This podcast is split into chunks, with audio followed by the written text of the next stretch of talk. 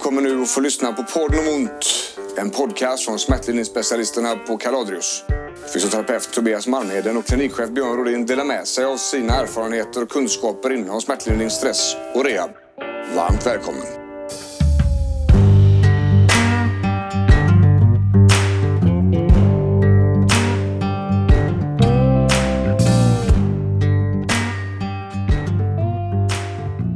Ska vi då hälsa våra lyssnare välkomna till podden om ont?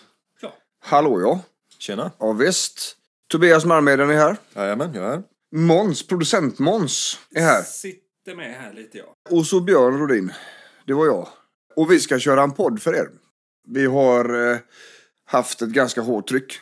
Vi ställde en fråga på sociala medier. Och betyg välta. Vi hade det på känn. Vi hade det på känn, ja. Och vi eh, jobbar ju på Kaladius. Du och jag, Tobbe. Jajamän. Eh, Måns är en eh, gammal god vän.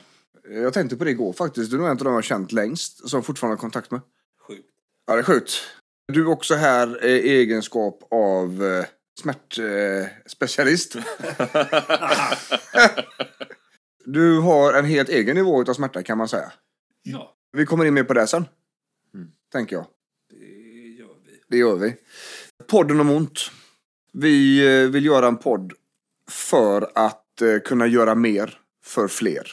Vi vill kunna nå ut med vår erfarenhet på Kaladius. Vi jobbar ju med smärtlindring. Vi jobbar eh, på ett annat sätt än vad många andra gör. Som det borde jobbas i vissa fall. Som vi anser jag. Namnet Kaladius kommer ifrån fågeln som bodde i kungahuset i den romerska mytologin. Som kunde titta på den som var sjuk, ta över sjukdomen och flyga iväg. Bota både sig själv och den sjuke. Vi har ju drivit det här företaget sedan 2012. Mm. Men jobbat rätt eh, intensivt kan man säga. Varumärket Kaladius är ju ett och ett halvt år snart. Och vi får väldigt bra resultat med de vi hjälper. Och vi är ju helt privata. Vi är inte anslutna till landstinget. För att balansera upp det i livet, i universum eller vad man säger. Så vill vi gärna göra så mycket vi kan för även de som inte kan komma till oss. Så då, då ger vi ut väldigt stora mängder på sociala medier. Vi eh, pushar ut stora mängder med, med självhjälp. Artiklar och filmerna framförallt. Liksom. Det är ju filmerna som har gjort att folk kanske känner till oss. Hallå ja. Hallå ja. Ja visst. Och eh, vi får väldigt stora resultat. Vi får också resultat på, på individer som har haft det väldigt svårt väldigt länge. Och eh, försökt väldigt många omgångar inom den vanliga konventionella vården. Där det har liksom varit svårt att nå fram. Träffar vi dem. Och så ser vi det på ett lite annat sätt. Och sett till hur, långt, eh, hur lång tid det har eh, gått med smärta så har vi också de resultaten på förhållandevis kort tid. Ja, precis, precis så. Och dagens avsnitt kommer handla om smärta och smärtlindring. Sedan eh, nästa avsnitt så har vi tänkt att prata om stress och smärta. Eller smärta och stress. Mm. Det bor ju väldigt tätt ihop. Och vi ska försöka hjälpa våra lyssnare att koppla ihop de här två. Och eh, faktiskt hitta en smärtlindring genom stresskontroll. Och det är ju ett av de första ställena vi går till när, de, när man kommer till oss. Eh, Avsnitt tre sen så har vi tänkt att vi pra- pratar om huvudvärk. Nacke, axlar. Avsnitt fyra tänker vi plöja överrörligheten. Vi jobbar mycket med individer som är överrörliga och som kanske till och med har en diagnos då. EDS eller, eller Downs syndrom. Sen Måns ska vi snacka om ryggvärk. Har du haft ryggvärk? Jag har haft ryggvärk. Du har haft så mycket ryggvärk. Åh herregud vad ryggvärk du har haft. Herregud vad jag har haft ont i ryggen. Ja, men det är inte där du är nyopererad nu. Nej. Nej, det är det Det inte. är ett annat ställe. Annat ställe, ja precis. Och sen avsnitt sex så eh, tänker jag att eh, reumatiska sjukdomarna ska få sig en dänga. Det är väl så långt vi har hunnit nu. Och vi tar väl det därifrån. Men du, Tobbe. Ja. Dagens avsnitt. Jajamän. Smärta. Smärta ja. Ja visst. Smärtlindring. ja precis. Ska du ta och förklara smärta för eh, lyssnarna?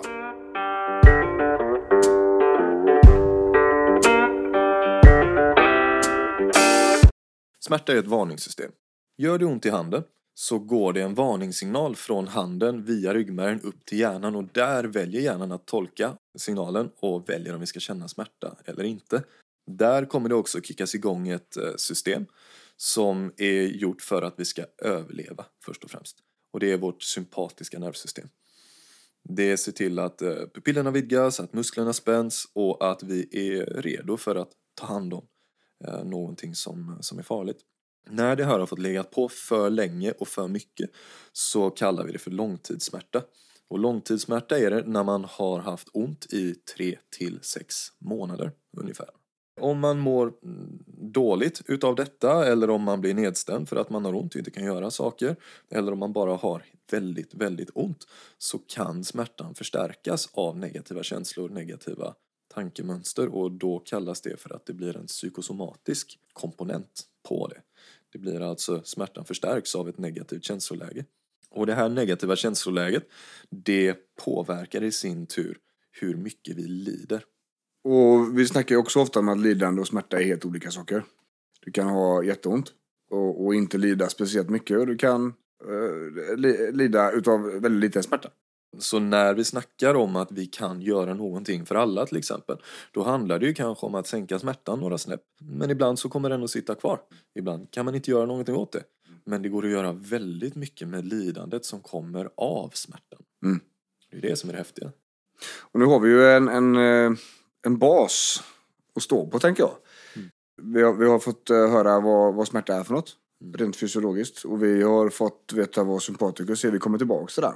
Mm. Sympatikus. Så, och, och långtidssmärtan är ju Den är ju kanske det grisigaste av alltihopa. Så, för den, den, det blir så mycket problem utav den.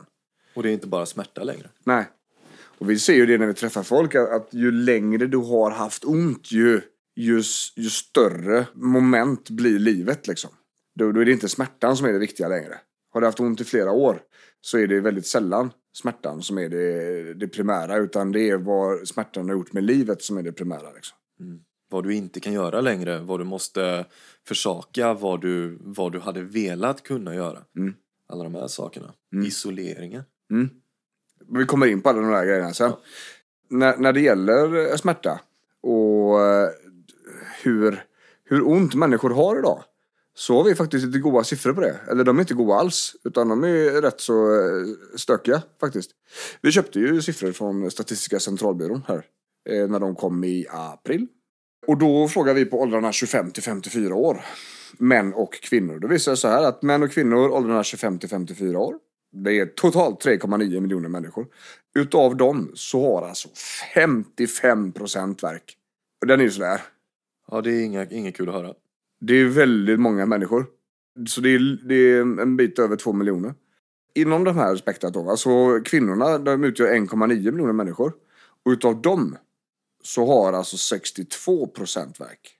Det är väldigt vanligt att en, en tjej går runt med ont nu. Eh, Och det är någonting vi märker också hos Kaladius. Vi har ju eh, en, en eh, betydande del eh, kvinnor som tränar hos oss. Liksom. Det är över...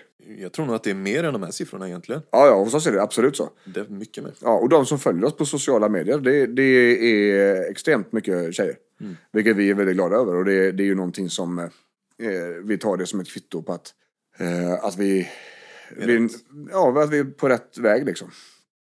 Eh, när det gäller männen, eh, då är det ungefär två miljoner människor. Och då är det 48 procent av de som har värk. Och där den största delen, som, eh, där man då delar upp vart de har ont någonstans, så är det 28,9 procent som har ont i ryggen. Motsvarande siffra, högsta hos tjejerna, är värk i nacke, axlar och huvud. Då är det 44 procent Mm. eh, i snitt. Då. Och det här är enorma siffror. Det är, det är, lite, det är lite mörkrätt. Ja, ja visst, absolut. Och, och det här går också väldigt eh, eh, tätt ihopkopplat med stressen i samhället Mm. idag. Pressen. Pressen, stressen. Det, det är en väldigt stor del utav eh, deras problematik är stress. Vi vet ju också om att det kan bli en psykosomatisk faktor i det här också. Mm. Och vi kommer in på det där, tänker jag. Eh, Och när det gäller då... Nu, nu ska vi inte gå in på den sjukvårdsdiskussionen. För det är typ en helt egen podd, tänker jag. Ja. Vi, vi, vi träffar väldigt mycket sköterskor. Och, och vårdpersonal. Vi tränar väldigt mycket sköterskor. Eh, just nu så har vi en period där jag är ute och föreläser för väldigt mycket sköterskor. Mm. Eh, vi har varit eh, Mölndals sjukhus och kört en grej. Vi jobbar ihop med Mölnlycke Healthcare som samlar sköterskor under Surgical Forum och vi ska till, till Hallands sjukhus och sådär i, i, eh, i, i december. Så vi träffar ju dem på plats. Och det är ju hjältar allihopa. Det är, det är ju de som får vården till att gå runt idag. Tyvärr är det ju systemfel som gör att de får alldeles för lite resurser. var på vården måste fokusera. De måste fokusera på att släcka bränder. Ja, det finns inte, ja men exakt, det är huvudet på spiken. Det finns, inte, det finns inte resurser Nej, för att göra det långsiktiga. ja, precis. Och det är där vi kommer in i bilden. Vi kan göra väldigt mycket bara genom kunskap och information. Och det är någonting vi märker i, i sociala medier också. Att vi, vi lyckas faktiskt hjälpa människor bara genom filmer. Liksom. Ja, och blogginläggen och... Ja, artiklar och sånt där. Och, och, och de som behöver lite mer hjälp, eller lite mer hands-on, där det inte räcker att testa våra övningar, ja, de, de kan vi hjälpa på plats. Liksom. Och, och den här podden är ju ett sätt för oss att nå ut till ännu fler. Och, och faktiskt sprida den här kunskapen om att det går att göra en del grejer. Det är sjukt häftigt vad, mycket det går att göra. Ja, Det, det är ju så. Och det är ju ofta... Eh, vi kommer in lite grann på stressen så småningom här. Men, men eh, när, när det gäller just smärtan och, och smärtdelarna så är det ju... Eh, det är ju därför man söker hjälp. För man har ont. Det är ju få som... Eh, inte få ska jag inte säga, men det är, det är ju färre som söker för att de har insett att livet håller på att eh, eh, rinna iväg. Att man har så ont, man kan inte göra saker längre och sådär. Det, det får gå ganska långt innan man söker hjälp på grund av smärtan. För att det är livet som stökar. Man stö- söker ju oftare hjälp för att få bort det onda. ja, och ofta också Finns det för någon att... skillnad där på om det är, alltså hur långt det går om det är en kvinna eller en man som söker hjälp? Eh, oh ja, Mm, ja, jag skojar inte. Mannen eh, testar själv. Kollar gärna en övning. Kör hemma. Kvinnan söker hjälp åt alla håll och kanter och väldigt forcerat.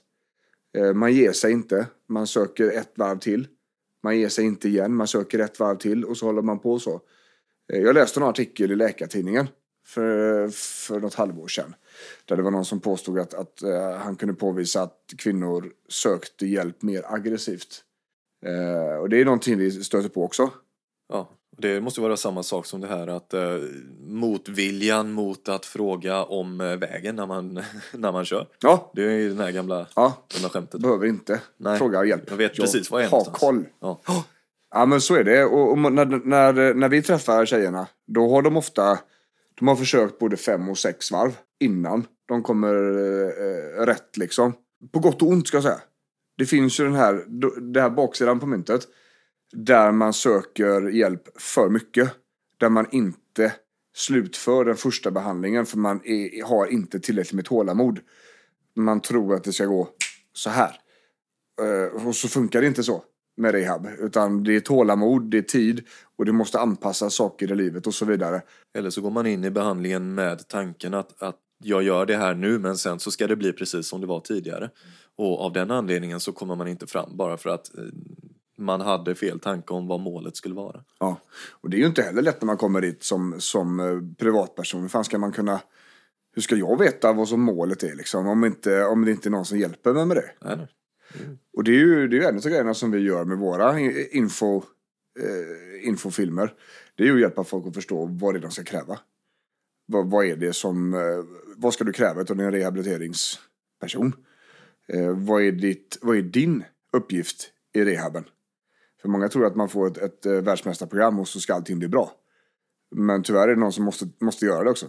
Ja, och det är ofta någonting som måste sluta hända på andra ändan. Ja. Man ska inte bara lägga till grejer. Och där kommer vi in där på smärtlindringen här om en stund. Liksom. Och det är väldigt, eh, det är stor skillnad på män och kvinnor. Det, det får jag nog säga, det är vår erfarenhet i alla fall. Mm. På Kaladius. Definitivt. Kvinnan bit, det, alltså biter ihop och håller käft så in i helvete va. Det, det är next level på många. Och vi kommer ju in på den grejen här i nästa avsnitt faktiskt när det gäller stress och high performer personligheter och Ja, Då- djupdyk där. Ja, vi gör ett djupdyk, ja. Eh, för det kommer vara en central del i, i smärtlindringen för de allra flesta av eh, våra lyssnare.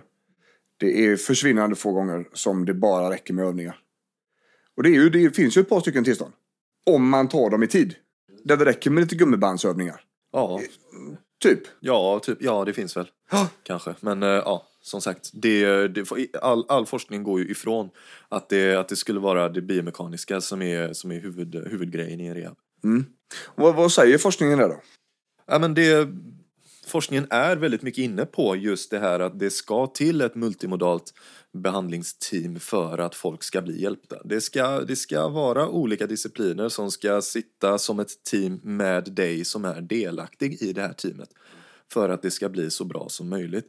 Ehm, tidigare så, så har man varit, varit inne på det här med biomekanik. Jo, men vi ska korrigera en, en ryggrad och så blir det bra. Vi ska göra en övning och så blir det bättre.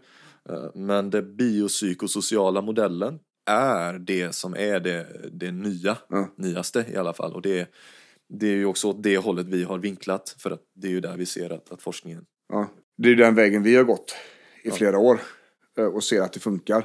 Och, och vi brukar ju prata om att eh, rehab om 5-10 år kommer ju prata väldigt mycket större del om huvudet och psyket än vad det handlar om övningar. Och där är ju vi redan idag. Ja, vi, vi gjorde den vändningen när vi, när vi såg.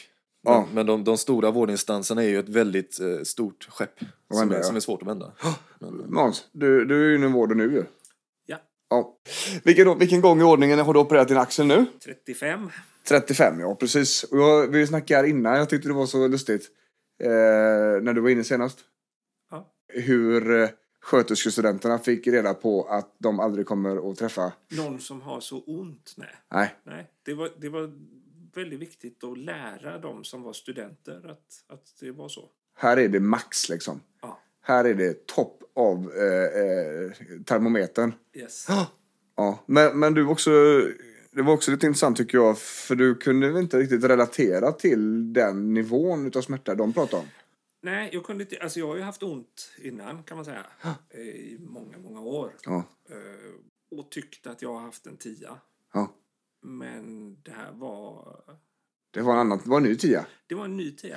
Det var en stå i duschen och svettas tia. Ja. Ska vi, ta, ska vi dra den historien lite snabbt? Om varför du har opererat din axel så många gånger. Jag ska säga så här också då till lyssnarna. Måns är en gammal kär vän till mig. Eh, Måns är också musikproducent. Yes. eh, och är ljudfantast och fantom. Eh, och, och det är Måns som producerar podden. Yes. Ja, jag fick inte fråga någon annan. Jag fick skäll för att eh, jag inte hade frågat honom först. Och, eh, och så här sitter vi, Ja, kan man säga. här sitter vi. Här sitter vi. Och, och vi vill gärna ha med Måns för att eh, eh, Måns är en av de eh, mer slipade killarna jag känner. Och har väldigt mycket smart att tänka eh, så. För att jag och Tobbe är väldigt insnöade på vårt arbete. Vi fastnar gärna i våra diskussioner och sådär. Och, och det blir, kan bli väldigt nördigt väldigt snabbt. Men eftersom vi vill ha en lyssnare som kanske inte är vårdutbildad eh, någon, ställa specialist. frågor, någon som kan ställa frågor som faktiskt är, är vettiga. Ja, som är ett steg utanför oss. Så här sitter Måns. Och Måns har armen i eh, eh, låsning nu, via Yes. metella. Eh, Men du ser också ut som Wolverine i axeln. Ja, den är metall, metall och eh, metall. Vad hände? Jag trillade ner från ett tak. Slet av alla muskler och senor. De missade det i sjukvården. Sen är det operationer i åtta år. Hopp. Där är jag. Där är du. Och du, eh, du har ätit dig igenom FASS. Det har jag gjort. Så du har järnkoll på allting som inte funkar. Check på den. Mm. Just nu så håller de på med eh, helt unika operationer Ja, på dig. För att få fast axeln. Ja. så jag inte ska tappa armen. Ja, så är det. Eh, och, och det som, eh, som jag tycker är väldigt roligt. eh, Vi har ju en del avslappningstekniker som vi jobbar med, jag och Tobbe och Kalori och sådär. Förra året så testade vi den på dig. Just det. Det gick ju skitbra. Det var sjukt. Ja, Det var så jävla häftigt. Det var kul att se. Ja, och, och då, då började vi resonera att det kanske är så att du antingen är eller har blivit en så kallad non-responder på medicin. Och att det är en av orsakerna till att det inte funkar liksom. jag tror att det är så att... Eh, tyvärr. Ja. Och, och vi kommer ju in lite grann. Vi ska ju prata om smärtlindring om en liten stund tänker vi. Men just när det gäller mediciner så vill man ju få kanske, det finns ju olika typer. Nu ska jag inte visa det här för då ska vi ha med oss en läkare. Och det har vi väl tänkt att vi ska ha så småningom här som får sitta och, och valsa ner i, i panodilen så att säga. ja. Det kan nog vara bra. ja, och förklara varför man inte ska äta Oxenorm som grundmedicinering. Det är också bra att Ja, veta. men då lyckas vi få till en avslappning i din kropp. Ja. Som räckte. Som funkade först flera timmar och sen dygn. Ja. Eh, Och då såg vi att när vi gjorde om den, vi gjorde den flera dagar i rad, Just det. då satt det lite längre. Ja, då byggde det på. Ja. Eh, Och, och eh, det var en fin period. Då fick du andas lite grann. Ja. Då fick du en period sådär va. Och sedan så började de planera om operationerna, vad som skulle göras nu då. Ja. Så körde de lite ett, ett pass med operationer. Ja, precis. Jag tänker på när du, när du tänker på smärta. Nu har ju du kanske, du har ju både långtidssmärta och akut smärta just nu. Ja. Och ändå så är du, eh, du sitter inte och kallsvettas, du är inte på dåligt humör.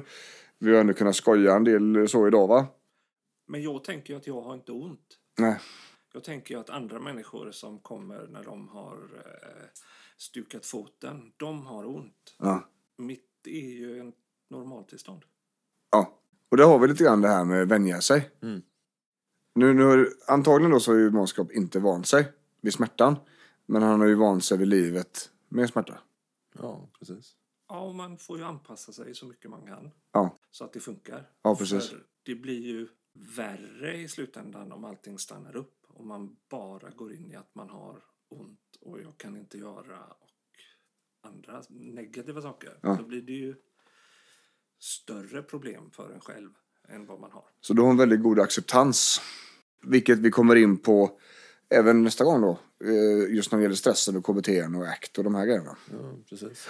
Men grund, kort kan man ju säga att ju bättre förståelse man har för sin situation och ju bättre kontroll man har över sin situation desto lättare går det också att förhålla sig till det. Och då kan man också, som vi sa, minska lidandet. Mm. Och vi, vi pratar mycket om att äga sin situation. gjorde jag inte de första åren. Nej. Nu har jag hållit på åtta år. Så att jag har lärt mig det. Ja. Har du haft någon sån multimodal rehab-sväng? Jag har inte haft någon rehab överhuvudtaget. Men det, väl, ja, men det, det är väl lite grann också så. Det, det har du inte haft såklart. Men du har ju ändå varit nästan på gång att opereras hela tiden. Ja, ja. Jag har ju inte haft någon tid att ha rehab. Mm. Jag har inte- ingen har velat göra det med den korta tiden som har funnits. Nej. Faktum var ju att förra året när vi fick lite lugn Ja, i dig så testade vi att röra lite grann på det. Ja. Och det gick inte. nej. Nej. Men då hade vi också verktyget att få ner dig i smärta. Och så tänker vi ju ofta eh, när vi får in, in klienter till oss. Att eh, okej, här gör svinont. Innan vi har fått ett, ett smärtlindringsverktyg här nu som vi får ner dem i smärta och att det fungerar kontinuerligt, att det funkar hemma och att det fungerar när de kommer till oss. Innan dess så testar vi inget. Utan vi måste ha det först för att kunna få ner dem om det blir, om själva rörelsen skulle av någon anledning göra ont. För vissa situationer är det så, vi måste testa. Gör det fortfarande ont? Ja. Ja, och där kommer ju, där testar vi ju lätta rörelser, rehab, lätt men avslappning, enkla grejer. Mm. Ja, för att se vad det är som funkar för den här personen. Och det är också en sån som är väldigt viktig när det gäller just smärtan. Vad är det som går att göra? För att om jag har ont i ett knä så har jag ont i knät. Men jag har ett bra annat ben. Jag har en överkropp som funkar. Och, och just det här smärtan och inaktivitet. Det är väldigt många som sätter sig på röven bara för att man har ont i en del av kroppen. Vilket är förståeligt. Man vill inte röra sig för att man har ont och man vet inte vad som är vad och varför och hur och sådär. Precis. Men vad tycker kroppen om det? Ja, det är inte bra. Vad händer? Det blir... Inaktiviteten. Precis. Vi, ja, men vi blir inaktiva och, och allting slutar att eh, fungera så bra som det gjorde. Så... eh, menar, Rent vetenskapligt perspektiv liksom. Inaktivitet. Om vi, vad är det som händer i kroppen när vi inte rör på oss? Jag tänker så här att jag tänker att syreomsättningen minskar. Mm. Det innebär att vi blir tröttare i huvudet. ja, Det innebär att musklerna får mindre energi. Eh, Ämnesomsättningen minskar. Vi riskerar att gå upp i vikt om vi fortfarande äter som vi gjorde tidigare. Vi får inte ut energin till musklerna. Så att energi i alla olika format slutar att genereras i kroppen. Därmed blir vi tröttare av att sitta still. Att röra på oss, det ökar ämnesomsättningen, det ökar syreupptagningen, det ökar energin i kroppen tillsammans med mat. Så att sitta sig still kommer att göra oss ännu sämre. Och när kroppen inte fungerar som den ska så kommer vi också få ondare. Vilket i sin tur kommer att stressa oss ännu mer. Och så är vi inne i den jävla spinoffen. Ja, på det sättet så är ju inaktivitet är ju det värsta som det värsta för en kropp överhuvudtaget. Eh, Och det bästa man kan göra om man är inaktiv det är ju att göra någonting. Att komma igång och faktiskt kicka igång kroppen på något sätt. Om det så bara är promenader. Extremt stora hälsoeffekter. Och det är ju ofta en sån grej som kanske är lite chockartat med de som kommer till Karadius. Att Ja, jag har ju ont. Jajamän. Och nu tränar vi. Mm. Va? "Eh, Jag har ju ont. Ja, det skiter väl jag i. Vi kan ju, du har ont i benet. Ja, om du sätter dig ner. Och så tränar vi utan ditt ben. Så att du får bli trött och sådär. Eh, och, och det är väldigt, eh, det, det, det är ganska stor skillnad alltså mot vad de har upplevt tidigare. För att vi måste ha med den här aktiviteten i våran process. För att vi anser inte att rehabiliteringen och läkningen i kroppen sker på bästa sätt om individen är still. Nej, och rörelse i sig, träning i sig är smärtlindrande. Ja, Bara det att man känner att man kan röra på sig utan att få mer ont, att man får tillbaka delar av livet som man har, har tappat Ja. i träning och i aktivitet. Endorfiner från konditionsträning gör ju en, en akut smärtlindrande effekt. Ja. Så ut och liksom rör på dig så mycket som, som möjligt. Ja, precis. Och det är ju det som är lite komplicerat då. Det är ju inte det första man tänker på när man har ont va. Och nu menar ju inte vi att vi ska, alltså att vi ska träna en skadad kroppsdel. Det ska vi inte göra eh, på det sättet. Utan den ska vi rehabilitera med fysioterapeutiska övningar och eller vila. Beroende på vad som behövs då. Men att, att röra på sig mycket är en jävligt bra lösning när man har väldigt ont. Det är också bra för sömnen. Skulle det vara så att man har sömnproblem av att man har ont, att man, man har svårt att somna, man vaknar, man har svårt att somna om. Då kommer fysisk aktivitet faktiskt att hjälpa till med det. Precis, och, och där har vi också två olika typer av personer. Det är en typ av person som inte gör någonting och de måste ut och röra på sig trots att det gör lite ont. Sen har vi en typ av person som oftare kommer till oss och det är de som gör lite för mycket, eller ganska mycket för mycket, som behöver röra på sig men inte så att de får mer ont. Så eh, se till att du inte får jättemycket mer ont när du rör på dig men gör du ingenting alls så måste du göra något. Ja. Det är väl grundrådet man ger. Ja, precis. Och det kommer vi in på nästa gång också. Vi pratar om high performer personligheter där. Att de som sätter sig på arslet, de måste vi faktiskt få ut. Eh, och, och de som rör på sig alldeles för mycket, de måste vi slå på en handbroms. Eh, och det här ska ju sägas, nu pratar vi ju om smärta generellt. Ja. Eh, vi har ju eh, flera olika situationer där vi har andra ramar. Sjukdomar till exempel. Fibromyalgi, reumatism. De här sakerna. Olika tillstånd som faktiskt, eh, trötthetstillstånd, ME och de här grejerna. Där vi faktiskt kan förvärra om vi inte vet. Och, och, och det är komplext och avancerat och där ska man ha hjälp. Helt enkelt. Det är ingenting du ska labba med själv. Utan där ska du ha en fysioterapeut i ryggen liksom. Det bara är så. Det, Som har erfarenhet av det som du har. precis. Det, är Eh, också, det, gör det, men det är också en sån grej. Att, eh, går, går, man till, eh, går man till en bilmekaniker och har en, eh, en, en viss typ av bil då vill man ju då vill man att mekanikern kan den typen av bil. Mm. Eh, och jag vet att bilanalogin är lite trött i Ja, men grejen var att jag tänkte på exakt samma sak fast jag tänkte med resonemanget att eh, har du problem med dina knän så kanske gå till ortoped. Jo. Har du problem med din klocka så går du till en urmakare. Har du problem med tänderna går du till tandläkare. Ja. Och har du problem med kroppen så vill du alltså gå till en fysioterapeut. precis, men också inom fysioterapin. Jajamän. Har du problem med ett knä så går du till en fysioterapeut som, har, som, har, som är bra på knä. Ja. Går du till, har du eh, långtidssmärta så går du till en fysioterapeut som är bra på långtidssmärta. Och så vidare.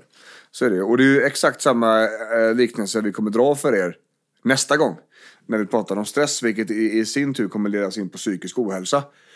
Som vi alla har i någon mån, i stort sett. Från och till. Ja. Eh, att vi mår lite sämre i huvudet och sådär. Och vissa blir drabbade av sjukdom och andra blir drabbade av en, en långtgående ohälsa. Men oavsett så ska det eh, tas om hand om en professionell. Eh, och, och vi ska inte vara rädda för det där. Och vi ska försöka hjälpa folk till att förstå att eh, terapeuter inte är farliga. Utan de är, det, det är liksom facit va. Jag tänker så här att vi ska gå in på nästa del nu. Nu har vi snackat om smärta. Vi kommer ju tillbaks, vi kommer inte sluta snacka om det. Det är lite, lite grann det podden handlar om faktiskt Måns. Det går, allting, inte slut där. Nej, allt går in i varandra. Så. ja det är det här vi gör va. Men, men eh, nu har vi pratat om smärta, vi vet vad det är för något. Vi har snackat om lite olika, vi har pratat om Måns mer akuta operationssmärta och den här grava långtidssmärtan. Vi har pratat om de som kör för mycket och de som kör för lite och vi har pratat om massa goda grejer. Men jag tänkte så här nu, nästa steg måste ju faktiskt vara att snacka om smärtlindringen då. Det är logiskt. Nu har vi ju pratat om smärta, hur, hur fan lindrar vi den? Tobbe, ja. förklara kortfattat smärtlindring.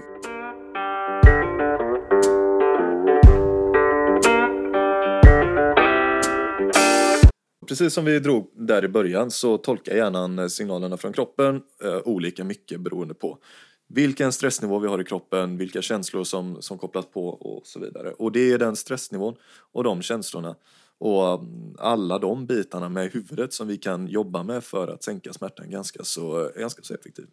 Vi jobbar med, eh, med avslappning. Vi ser till att eh, stressnivån i kroppen sjunker så att också hotnivån i, i hjärnan eh, sänks lite. Vi jobbar med vad som kallas för pacing. Det vill säga vi ser till, vi kollar, vi plockar bort eller lägger på paus lite saker i livet så att vi kan få en, eh, en vila i det. Och se till att sluta göra saker som gör det värre. Och efter det så ser vi till också att öka de bra sakerna i livet. Det vill säga vi ökar rörelse precis som vi var inne på tidigare. Vi minskar, försöker minska rörelserädsla så mycket som möjligt. Se till att ta tillbaka det livet som, som smärtan tog. Det är faktiskt inte svårare än så. Det är liksom avslappning som är prio ett för många. Mm.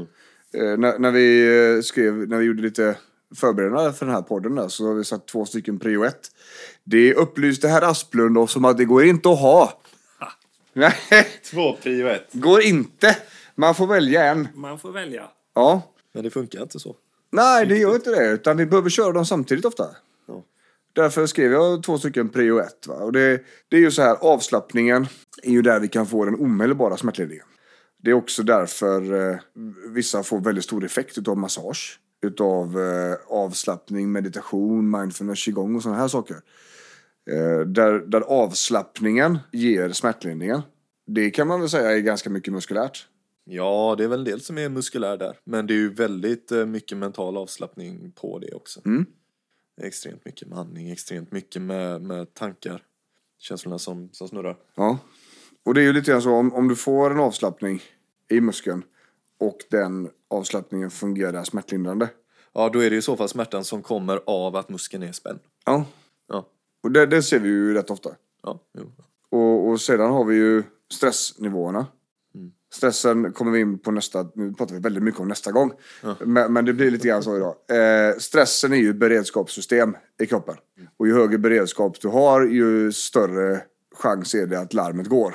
Och hur mycket vi än slappnar av så spelar det ingen roll om beredskapen är jättehög. Nej, jag skulle nästan säga att det, då är det inte en avslappning. Nej. Eh, och det är väldigt svårt att få någon att slappna av som är väldigt stressad. Mm. Det är väldigt, väldigt svårt. Och vi kommer in på det där eh, mer nästa gång. Men när det gäller kontrollen utav stressen så tänker jag att eh, man behöver skapa sig, man behöver skapa kontroll i hela sin situation. I hela livet. Och se vad är det som behöver göras och vad är det som inte behöver göras. Eh, vi snackar ju om en need to do och nice to do. Så vad är det jag behöver göra, vad är det jag måste göra? Och vad är det som är gött att göra? Vad tror jag att jag måste göra? Ja, precis. Och eh, utan stresskontroll så kommer avslappningen sannolikt inte spela någon större roll. Då är det liksom bara för stunden som det är gött. Där träffar vi många som har försökt med massage och försökt med liksom olika manuella terapier. Och så förklarar de för oss, ja det funkar men det sitter i typ max en dag eller två dagar. Då är det ganska enkelt för oss att tala om att jag tror vi kan skapa en kvarvarande effekt på det här. Precis. Det brukar vara en av de eh, tydligaste grejerna man ser där. Mm. Okej. Så när vi, när vi sitter och har konsultationer och, de, och, och klienten framför mig säger just det. Att ja, testa massage alltså, det funkar men det kommer tillbaks. Alltså, det sitter bara en, två dagar. Och sen kommer det tillbaks. Då vet jag i magen direkt att vi kommer kunna göra jättemycket för dig. För att vi kommer kunna, den effekten du får av massagen. När du har kopplat av och fått lite beröring och allting är gött. Den vågar jag påstå att vi nog kan se, få till att vara mer kvarvarande. Mm. I, I majoriteten av, av Ja. absolut. Och det är väldigt skönt. Och det är också lite skumt där, ju fler ställen man har varit på, ju lättare är vårt jobb. Den är lite, det är paradoxalt. Men då har det ju gjorts allt. Ja, Alla röntgen har gjorts, alla blodprov har tagits. Man har varit hos den specialisten och, och ditten och datten. ja, man har försökt hos den eh, kiropraktorn, den naprapaten, den osteopaten. Ja, läkare, fysio, Ja. vad som helst.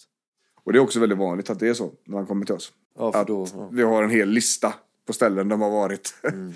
eh, och då, då är faktiskt... Eh, då, då kan vi ställa väldigt bra prognoser. Där vi vet vad som har funkat, vi vet vad som inte har funkat, vi vet vad andra professioner har ansett. Och så lägger vi vår take på det. Kopplar på de eh, psykosociala aspekterna. Mm. Där, där vi helt enkelt kopplar på en helhet som inte fanns tidigare i, Ja. i, i de olika. Och bara plockar det som funkar här, Ja. plockar det som funkar där Ja. och syr ihop det snyggt. Ja, och det, det är väldigt eh, det är väldigt kul när man sitter där. Och det, det spelar ingen roll vad vi säger. Det kommer ju låta som att jag ljuger liksom, eller att jag bara försöker få dem till att komma till oss. Så jag undviker ofta det faktiskt. Jag antecknar i journalen eh, och, och förklarar rent eh, logiskt eller Det, det finns en möjlighet att vi kan göra en del för dig. Det brukar Ja. vara där det landar någonstans. Precis, fast i magen så vet vi om att det här kommer gå jävligt bra. Alltså. Det är inte alls säkert att det här tar så lång tid. Fast det kan vi inte säga. För det finns ju väldigt mycket X-faktorer. Och ibland är det inte så. Nej, precis. Ibland så håller man på och sen bara eh, handbroms. Ja. Eh, livet kommer emellan. Eh, och det är lite grann som när man snackar om smärtlindring. Det är ju inte en rak linje. Vi snackar två steg fram, ett tillbaks. Och vi använder inte ord som bakslag. Utan vi kallar det kvitton. Ja, det var lite för mycket nu. Bra kvitto, då vet vi det. Det är inget bakslag. Bakslag som vi ser det, eller som jag ser det, det är ju om individen slutar göra det helt och hållet. Ja. Och, och, och att allting kommer tillbaks. Jag kan nog säga att det är ett temporärt bakslag. För bakslag är det ju så att säga. Rent, rent eh, krasst är det ett, eh, ett bakslag, men det är ett förväntat bakslag. Ja, Som är ett kvitto på att okej, men då var det det här som blev för mycket här, då gör vi det här nästa gång. Ja, och det är ju så. Det, alltså en, en eh, smärtlindringsprocess kommer ju behöva förändras över tid. Det kommer behövas andra saker, det kommer behövas mer saker, det kanske behövs mindre saker. Men oavsett så behöver den förändras. Och det är någonting vi ser ofta. Jätteofta i samma jävla program i flera månader. Inget annat kommer in i den. Det finns liksom ingen uppföljning, det finns ingen det finns ingen förändring medan livet har förändrat sig, personen har förändrat sig, hela situationen har förändrat sig. Programmet är likadant. Men där är det också så här, där, där har man ju fått, där har man fått, som patient eller som klient har man ju fått någonting som man ska följa utan, att, utan att ha fått förklaringen bakom. Ja. Och då kan man ju inte göra de förändringarna själv även om man hade vetat att de behövs. Precis, och det just när det gäller smärtlindring och rehab då. Det blir ju lite grann samma sak. Det, det är otroligt viktigt att individen vet vad de ska göra. Att de har kunskapen och bakgrunden. Och vi säger det till alla våra klienter. Det här är lika mycket en utbildning för dig som det är träning. Du ska klara dig själv efter vi är färdiga. Punkt. Det var ingen fråga. Det, det, det, är, liksom, det, det, är, en, det är helt nödvändigt. Va? Om inte vi lär dem det så finns det ju ingen möjlighet för dem. Och det är ofta det, det vi ser som är det största problemet hos dem som de har fått helt okej sjukgymnastprogram eller fysioterapiprogram. Fast de vet inte varför de ska göra det. De vet inte hur lång tid det kommer ta. Hur lång tid det förväntas att ta innan det blir någon förbättring. Ingenting sånt. Ja, Och så föll uppföljningen mellan stolarna på grund av tidsbrist eller svårt att boka. Ja, eller semester eller att man själv inte kommer iväg. Ja, precis. Så, det är ju viktigt också att komma säga det att det, det är ju, man har ett stort eget ansvar för sin egen kropp. Det är ju inte någon annan som ska göra det här för dig. Vilket är väldigt viktigt att tänka på då. Och det har vi till och med i vårt eh, tränar, eh, tränaravtal, ordning och disciplin. Ja, är att vi lägger in så mycket vi kan för att du ska bli så bra som möjligt men då måste vi ha en lika stor motprestation tillbaka. ja. Om, om det inte har det så, så har vi rätt eh, att avsluta. Ja, Och det säger vi, vi brukar jämföra det, vi sitter ju i samma båt va. Är det bara en som ror så snurrar vi runt. Och det, det funkar inte så. Det handlar ju om att få med sig. Eh, alla ska ju vara med på banan så att säga. Men just ut, alltså den uteblivna känslan av sammanhang är ju väldigt stor. Det är ju väldigt många som inte har haft någon aning om varför de gör det de gör. Kanske haft i magen en känsla av att fan vet om det här är rätt övning. Det känns lite mystiskt. Undrar om det ska vara så här. Och så har de bara gjort fel och så ska det inte vara så. nej. För att de har inte vetat liksom. Så utbildning i den egna situationen är helt nödvändigt när det gäller smärtlindring. Det, det går inte att göra utan, som vi ser det. Inte om den ska vara hållbar och, och finnas kvar. Eh, och, och den är ju helt central. Framförallt också när det gäller att minska lidandet. För oron av att inte veta vart det tar vägen eller hur lång tid det kommer ta eller kommer det vara så här för tid och evighet. Det är en stor del i att stressen ökar och på så sätt också ökar lidandet. Det är ju någonting som när vi gör våra mätningar med våra formulär så ser vi att stressen minskar väldigt eh, mycket de första fem, sex, sju veckorna. Och det, det sätter vi i relation med att man får en ökad förståelse för sin situation. Och det här med att också att oron faktiskt kan upprätthålla smärtan. Det är ju det att ja, jag hade en, en klient som, som tog bort stora delar av livet för att kunna göra rehaben på ett bra sätt. Och så hände det inte så mycket. Men så, så gjorde vi en, eh, vi chansade och testade att lägga till vissa saker som var, som var vettigt för den här personen som, som gav väldigt mycket men som skulle kunna påverka smärtan negativt. Men vi tänkte någonting måste hända nu. Och så gjorde vi det och så blev det så mycket bättre. Bara för att eh, personen var mindre orolig, personen var gladare, personen hade minskat sitt lidande och sin stress därmed och därför också minskat sin smärta och fått tillbaka en del livskvalitet. Ja. Så det går ju verkligen i, i nedåtgående spiraler men det går att vända till uppåtgående spiraler också. Ja. Det är det som är så häftigt. Ja, det är skitcoolt är det. Och, och där vet vi också om att det blir ju en, en del fix och tricks där. Så det är inte så konstigt att det kanske inte går hela vägen inom den, inom den vanliga sjukvården. För med tanke på tiden som man får lägga och, och detektivarbetet som man får göra så är det ju väldigt logiskt att det är svårt. Plus att båda måste vara med på banan. Ja, ja. klienten, patienten, hur man nu väljer, måste vara med på banan. Du måste vara med på banan. Och det måste vara ett team. Du och läkaren eller du och fysioterapeuten eller du och vården måste vara ett team mot smärtan. Ja. Det trycker vi också väldigt hårt. ja. Annars finns det inget förtroende där, då finns det, ingen, då finns det inget sätt fram. Nej. Det, det är du och jag mot smärtan liksom. Eh, och vi ska vinna. Och, och när jag tänker på det, när det kommer in ryggar framförallt är det väl. Som är ganska tungt medicinerade. Ja. Just när det gäller ryggproblem så, så tar de ju över så stor del av livet. För det går inte att komma undan. Det går inte att undvika att använda ryggen. Det, som det gör med att ha ont i ett knä till exempel. Då är det ofta ganska starkt medicinerat. Mediciner är ju ett komplement till smärtlindringen. Det har en plats. Absolut har det det. Man ska inte vara anti. Det tycker vi är dumt. Just att vara anti mediciner. Ja, det, det, blir ju, det blir ju lite kontraproduktivt för i vissa fall så måste man faktiskt ha en smärtlindrande medicin för att bryta en dålig nedåtgående spiral. Man måste kunna få möjlighet att röra på sig utan att få den där sylen rakt genom kanske knät varje gång man sätter ner en fot. Ja. Då behöver man smärtlindrande. Men vi träffar påfallande många alltså, som är inte så... Jag tycker inte om tabletter riktigt. Jag försöker hålla mig ifrån det. Ja, fast du har ju svinont. Så varför äter du inte receptfria värktabletter som läkaren har sagt till dig är okej? Ja, men jag tror inte det är bra. Och då får vi ju då förklara att smärtan är värre. Smärtan är värre. Ja, smärtan gör mer skit med dig än vad en, en låg dos paracetamol kommer göra om dagen. Liksom. Ja, visst, och man ska ju vara försiktig med mediciner. Man ska ju inte ta det och bara, bara knapra det om man, om man absolut inte måste. Man ska ha kontakt med en läkare som är ansvarig för att justera dosen. Kontakten med läkaren är A och O. Men så länge du har en kontakt med en bra läkare så behöver du inte vara orolig. Diskutera med den läkaren då. Och då får vi även eh, säga att vi träffar för många som bara äter de tunga. Den är ju sådär. Eh, det finns en helt egen nivå av diskussioner runt det där. Man kan tycka saker. Eh, nu är inte vi några läkare så vi ska inte ge oss för långt in i den soppan. Men när det gäller eh, eh, äta morfinpreparat som enda medicin så säger ju våra läkarkompisar att det är vansinne. Och det säger vi också. Det finns alltså ingen grundmedicinering. De använder ju sig eh, av en trappa. Där de eh, kör de lättare grejerna först. Ja. Och ger inte de önskvärd effekt då lägger de på en nivå till. Ja. Och så vidare. Och på samma sätt neråt sen då när det ska trappas ut. Och, och det är ju, det är ju grisen Måns, med morfin. Du har ju ätit så mycket. Den är ju grisen överhuvudtaget. Ja, Eh, Men den har sin funktion, ja det tycker jag. Eh, Och den, ibland är det bra, Ja. men inte alltid. Nej. Men, men när man ska sluta med den medicinen. Så kan man ju göra det på ett bra sätt. Ja. det var väldigt diplomatiskt. Trappa ut den som man blir tillsagd att göra. Eller hur? Ja, för då Ja. fungerar det bäst. Ja. Det är ju inga mediciner man bara ska ta bort på eget bevåg. ska man ju inte göra. För det blir konstigt i kroppen. Man vet, du, du som privatperson har ingen aning om vilka mediciner som är komplement till, eh, till huvudmedicinen och hur den ena påverkar den andra och vad man ska göra där. Det är ett snår. Alltså. Ja, precis. Och men, men jag kan, vi kan väl säga det till lyssnarna då som, som kanske sitter och, och känner bara fan, när det gäller mig.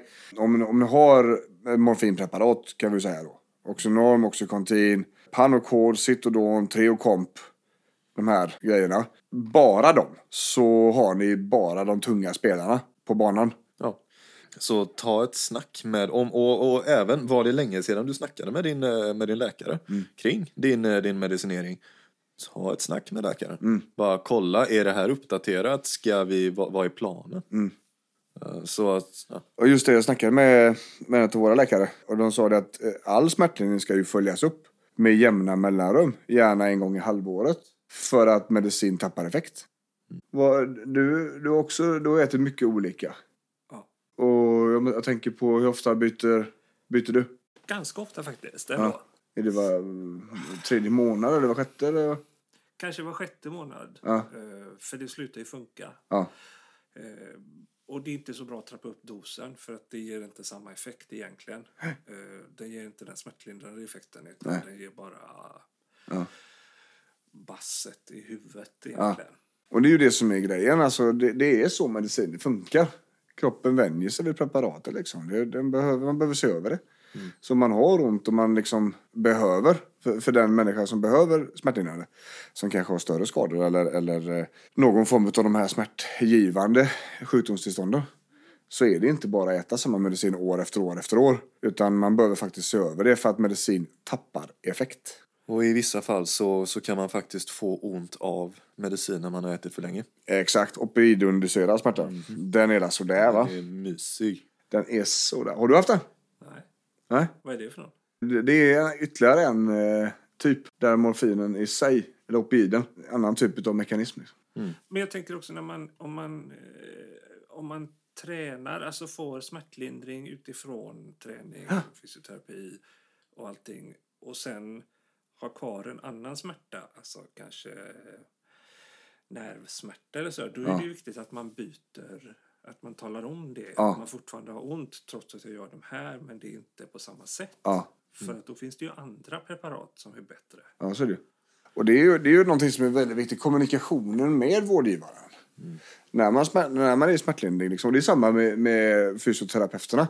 De behöver veta hur det känns. Man behöver berätta liksom. Ja, det är väldigt svårt för mig att gissa hur du mår om du inte berättar när du kommer. Nej. Om du visar samma mask för mig som du visar för alla andra, då kommer jag ju att lita på dig. Ja, Det finns inget annat jag kan göra.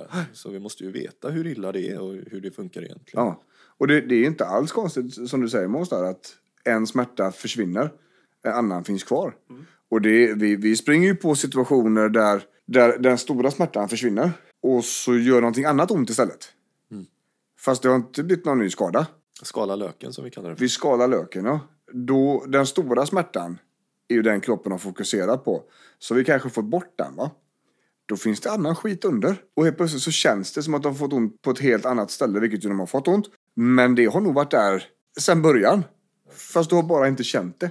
Kan det är vara... samma, man kan bota sin smärta med, med smärta. Ja, precis. Jag, jag hade ett exempel när jag promenerade över heden och la en sten i skon och det gjorde så jävla ont i foten. Men det gjorde inte så ont i axeln i alla fall. Nej. Ja, men det, det, det hade de ju som behandling förr i tiden. Jag vet, det finns, det finns en godisbutik i Stockholm, på Hötorget, där det sitter en sån skylt läkare som ordinerar smärtlindring genom att slå dig på benet. Perfekt. Jättegammal sådär. Det, det är lite coolt så faktiskt. Och, och det, det är ju väldigt, eh, det är väldigt typiskt som du säger. Det är när en smärta tar över. Och det gjorde vi samma sak på dig. Du fick ont på andra ställen. Oh ja. När smärtan släppte. När vi gjorde den förra året där. Med, med avslappningar. När smärtan i axeln släppte så fick du ont där i nacken. ja. Och då tror vi att det var mittellan som var problemet där. Fast du känner inte den nu för att det gör så ont i axeln. Jag tror också det. För det är på samma ställe. Ja. Eh, och, och den var faktiskt svårare att komma vidare med. För den, den var så pass långt sittande. Alltså du har ju gått med Metella rätt länge. Så att de muskelspänningarna och den känsligheten som finns i det området, det är nog ingen lek. Nej, Och smärta förändrar ju beteende. Smärta är en av de effektivaste sakerna på att förändra en människas beteende. På gott och ont. Så när smärta försvinner då, då, då kan ju också beteendet, rörelsebeteendet, förändras med det. Ja. Och då kan det också skapa en belastning på något annat ställe som man inte är van vid.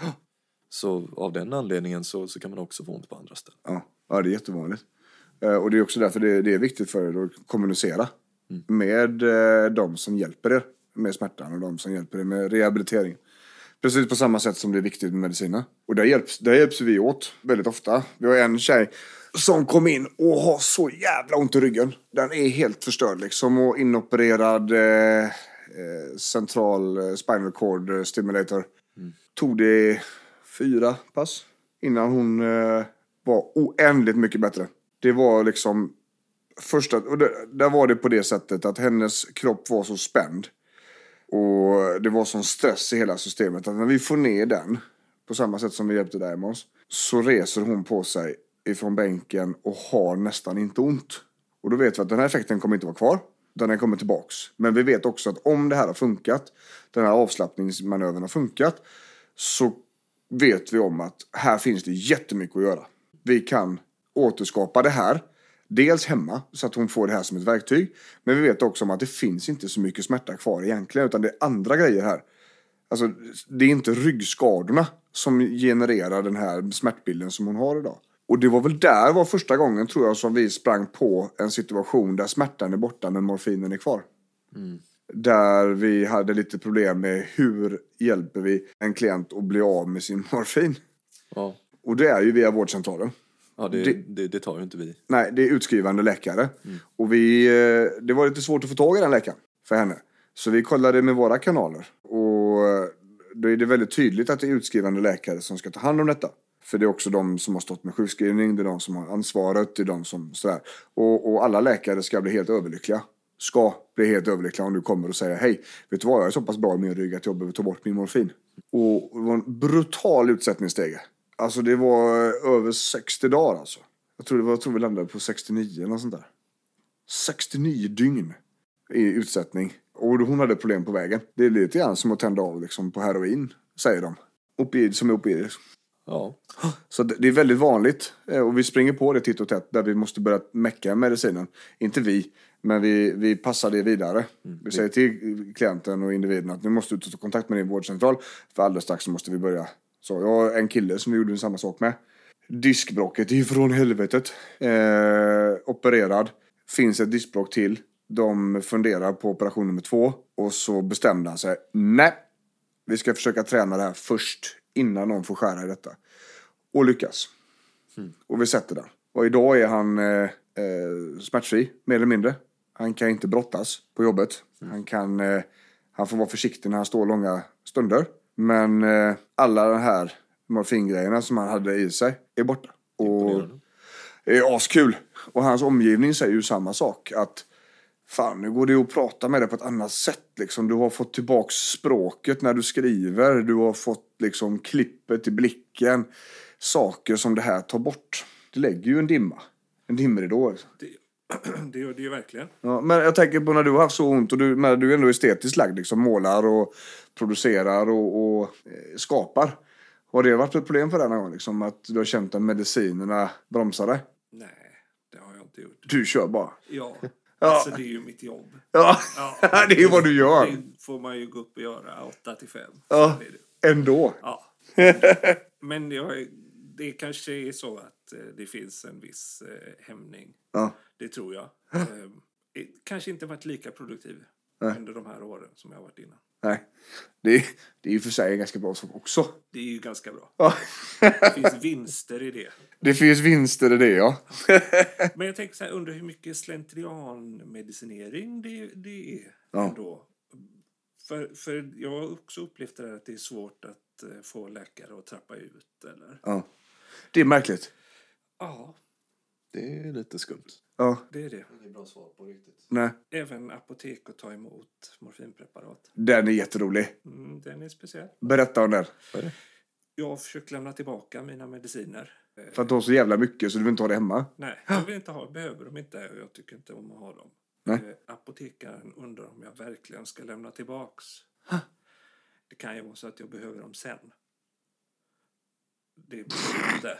Ja. Ja, ja. Nej, men det är bra. Det är stabilt. Ja, ja. Men, men då är det väl så, liksom, tänker folk resonera generellt. Det är bra att ha hemma till en regnig dag. Kanske. Det är jättebra att ha en tung morfin till en regnig dag. Nej. Det är alltså det här. Ja, nej. Men, men det, är, det är en väldigt intressant fråga.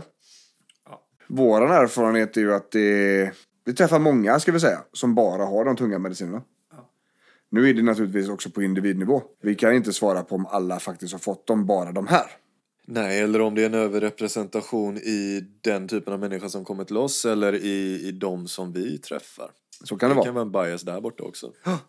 Så kan det vara. Men, men eh, vi vet ju om att eh, morfinutskrivandet ökar. Eh, I USA så har de ju enorma problem med det. Morfinepidemin liksom. Det, vet inte om du har sett och, och läst om Nej, jag det. har inte gjort. Herregud. De har jätteproblem alltså. Med, med utskrivning av receptbelagda morfinpreparat liksom. Så de har jätteproblem med det. Jag ska inte uttala mig om hur det ser ut i, i Sverige. Jag har inte läst några siffror där på länge. Men det behöver ju finnas en stark återhållsamhet. Ja. För det är mediciner som gör skit med kropparna. Och som bara ska användas under en kort period. För att komma vidare i smärtlindringen. Ja, precis. Och och det har ju en plats, som vi sa. Är det en väldigt stor smärta så så är det viktigt att bli av med den. För just det här med att ha smärta, det, det skapar ju följdproblem. Man blir rörelserädd bland annat, som vi pratade om förut. Man undviker att göra saker. Eh, det gör ondare ju längre tiden har gått. Man får större problem med smärtan ju längre tiden har gått. Men, men att bryta den är så centralt att vi måste använda budstående medel. Den För- ska ner. Ja, ja, den ska ner. Den ska ner. Ja. Punkt. One way or another liksom. Den måste ner. Så att eh, när det gäller smärtlindringen, avslappning är väldigt viktigt. Stresskontroll är också väldigt viktigt. Och det spelar ingen roll hur mycket vi slappnar av om stressen är hög i livet liksom. Och det spelar ingen roll hur mycket vi försöker sänka stressen om det som skapar stressen fortfarande sitter kvar. så om vi försöker knyta ihop säcken runt det här första avsnittet. Smärta var ju då en, eh, få en smisk på handen. Det går en signal upp via ryggmärgen till huvudet. Som eh, sätter igång någon form av larm. Eh, larmet är då sympaticus, det sympatiska nervsystemet. Fight flight systemet. Eller startle fight flight freeze. När det här har legat på för länge. När brandlarmet har gått för, för lång tid.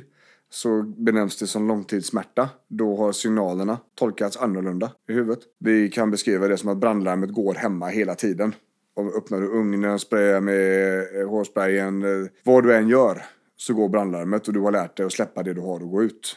Där är långtidssmärtan. Det kan också vara så att eh, hjärnan själv genererar smärta fast den inte är ett... Eh, det, det kommer inte någon speciellt intensiv signal ifrån ett område va? Utan hjärnan tolkar det som smärta i alla fall. Den har blivit psykosomatisk. Yes. Den smärtan är på inget sätt mindre värd. Det är snarare så att vi värderar den högre. För den är mycket svårare, mycket mer komplex att bli av med. Tyvärr har ju sjukvården en dålig vana att dela upp problem ovanför och under halsen. De har gjort det historiskt. Ja, det börjar ändra sig, tack och lov. Men det är långt kvar. Det är långt, långt kvar. Har du problem med huvudet så får du gå hem typ, eller ja, med det inuti så får du gå till en typ av doktor. Har du problem med det andra så går du till en annan typ av doktor. Problemet är då att när de här två spelar ihop, då är det väldigt svårt. Och vi skiljer också på lidande och smärta. Smärta är en sak. Det är varningslarmet liksom. Och lidandet är problemet du får i livet utav varningen. Vi har pratat om att det är väldigt mycket människor som har ont i Sverige. Utav 3,9 miljoner människor i åldrarna 25 till 54 år så har 55 procent värk. Det är ju lite över 2 miljoner människor. Utav eh, dessa så har eh, 62 procent utav alla kvinnor värk. Två tredjedelar. Ja, den största, största besväret har de då i huvudet. 44 procent har huvudvärk. Vi har pratat om eh, att eh, stress är en enormt stor faktor i smärtlindra, eh, smärtan. Eh, det gör smärtan värre på många olika sätt, många olika nivåer. Och smärtlindring eh, kommer vi att hitta genom stresshantering också. Vi har pratat om smärtlindringar, avslappning. Vi pratar om pacing, livets takt i förhållande till vad du klarar av. Och vi har pratat om, om rörelserädsla och vi prioriterar stresskontroll och avslappning beroende på vem det är som är framför oss. De allra flesta som kommer till oss i alla fall på Kaladius, de behöver stress, stresshanteringen minst lika mycket som de behöver smärtlindringen. Så vi hittar ofta en avslappningsvariant så att de har ett verktyg att komma ner i, i muskelspänning och sånt hemma. Men vi går på stresskontrollen via KBT och ACT ganska snabbt då. Vi pratar också om att det går att minska smärtan en hel del för de allra flesta. Vi pratar också om att eh, det går att lindra lidandet för de allra flesta. Och medicin, det är ett komplement. Det är inte huvuddelen på eh, smärtlindringen. Ja, Ja, är vi nöjda så för det här avsnittet? Tror tror det. jag. Tror du? Absolut. Då, Björn, Tobias. Hans. tackar för sig. Tack för att ni lyssnade det här första gången. Nästa eh, avsnitt kommer att handla om stress. Stresskontroll. High performer. Katastroftankar. Vi kommer prata om eh, krav. Vi kommer prata om eh, olika problem i livet som skapar stress. Stress är inte bara hinna i tid till bussen eller lämna barnen i skolan. Stress är även oron för att inte veta vad som händer. Eller eh, känslan av att inte duga till. Eller att det inte räcker. Därför så springer vi på mycket folk med high performer personligheter. De ska vi snacka om nästa gång. Det blir spännande. Säger vi så? Ja. Ja, ha det gött! Hej!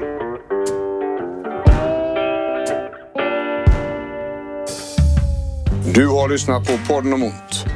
En podcast om smärtlindring, smärta och stress från Kaladrius med Björn Rodin och Tobias Malmheden.